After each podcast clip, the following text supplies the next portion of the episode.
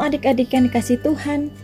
Puji Tuhan kita masih dapat mendengarkan firman Tuhan dan merenungkannya hari ini. Semoga adik-adik dalam keadaan baik, sehat, dan sukacita. Kiranya kasih Tuhan selalu menyertai sepanjang hidup adik-adik.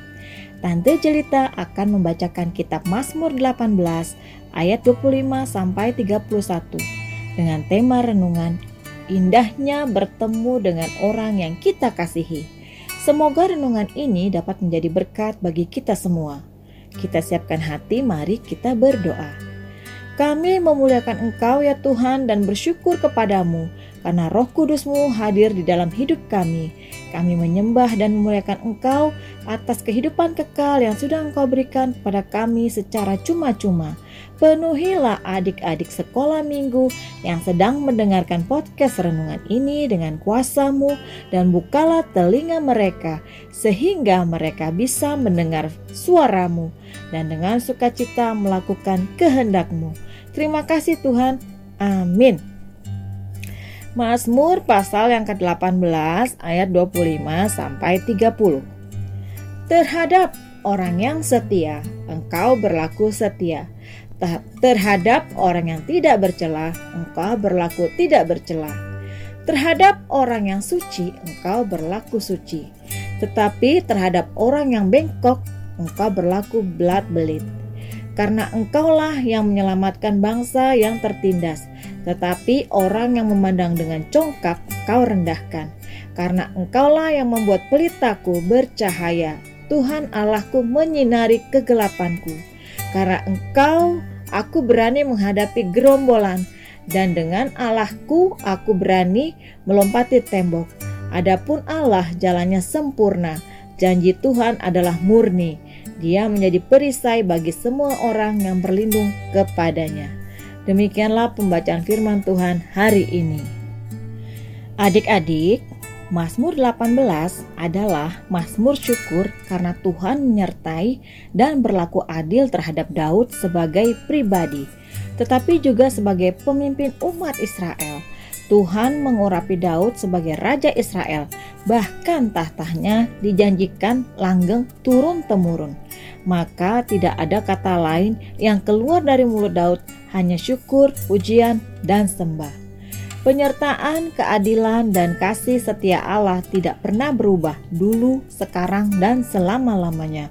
Daud mengalaminya sehingga ia bisa memimpin umatnya, maka hidupnya pun limpah dengan syukur. Apakah adik-adik percaya dapat mengalami kasih setia Tuhan? Mengucap syukur kepada Allah di dalam Kristus Yesus akan dapat memungkinkan semuanya itu. Adik-adik, dalam buku renungan diceritakan tentang seorang ibu yang mengalami kasih dan penyertaan Tuhan dalam hidupnya. Ibu ini anak yatim piatu, hidupnya susah tapi berhasil menjadi orang yang sukses karena mendapat bantuan dari orang tua asuhnya yang membiayainya dari kecil sampai menjadi orang yang sukses dan akhirnya bisa bertemu dengan keluarga yang membantunya. Nama ibu itu adalah Reni Setia Ningrum. Ibu Reni Setia Ningrum lahir dari keluarga yang tidak mampu. Ia dibesarkan di panti asuhan Patmos di kota Mataram, Nusa Tenggara Barat.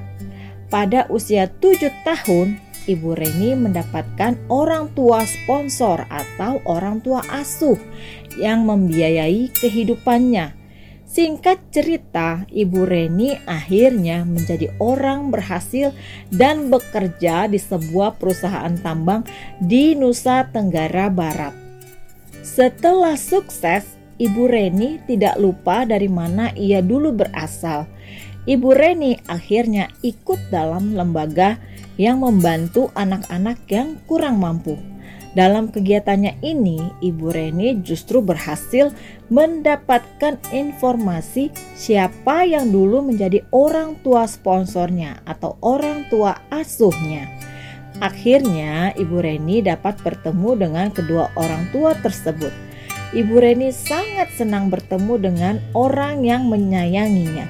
Tentu banyak hal-hal yang diceritakan oleh Ibu Reni dan orang tua asuhnya Indah sekali ya adik-adik. Nah, dari cerita Ibu Reni, pelajaran apa yang adik-adik dapat ambil? Kita mau belajar dari sikap Ibu Reni yang setelah sukses, Ibu Reni tidak lupa dari mana ia dulu berasal. Apakah ada orang yang sangat adik-adik sayangi, namun sudah lama tidak bertemu? Kalau ada, semoga Tuhan masih memberi kesempatan untuk bertemu dengan orang tersebut dan adik-adik bisa merasakan sukacita seperti yang dirasakan Ibu Reni saat bertemu orang tua asuhnya. Semoga adik-adik juga dapat merasakan apa yang dirasakan oleh Ibu Reni. Sungguh indah bertemu dengan orang yang kita sayangi dan menyayangi kita. Mari kita berdoa. Bapa di surga, terima kasih Engkau tetap memberikan kami kesempatan untuk bertemu dengan orang yang menyayangi dan kami sayangi. Entah itu papa, mama, kakak, adik, atau saudara yang lain. Dalam nama Tuhan Yesus, amin. Demikian renungan kita hari ini. Betapa beruntungnya adik-adik semua memiliki orang yang menyayangi dan mengasihi, serta kita juga balik menyayangi dan mengasihi mereka. Tuhan Yesus memberkati.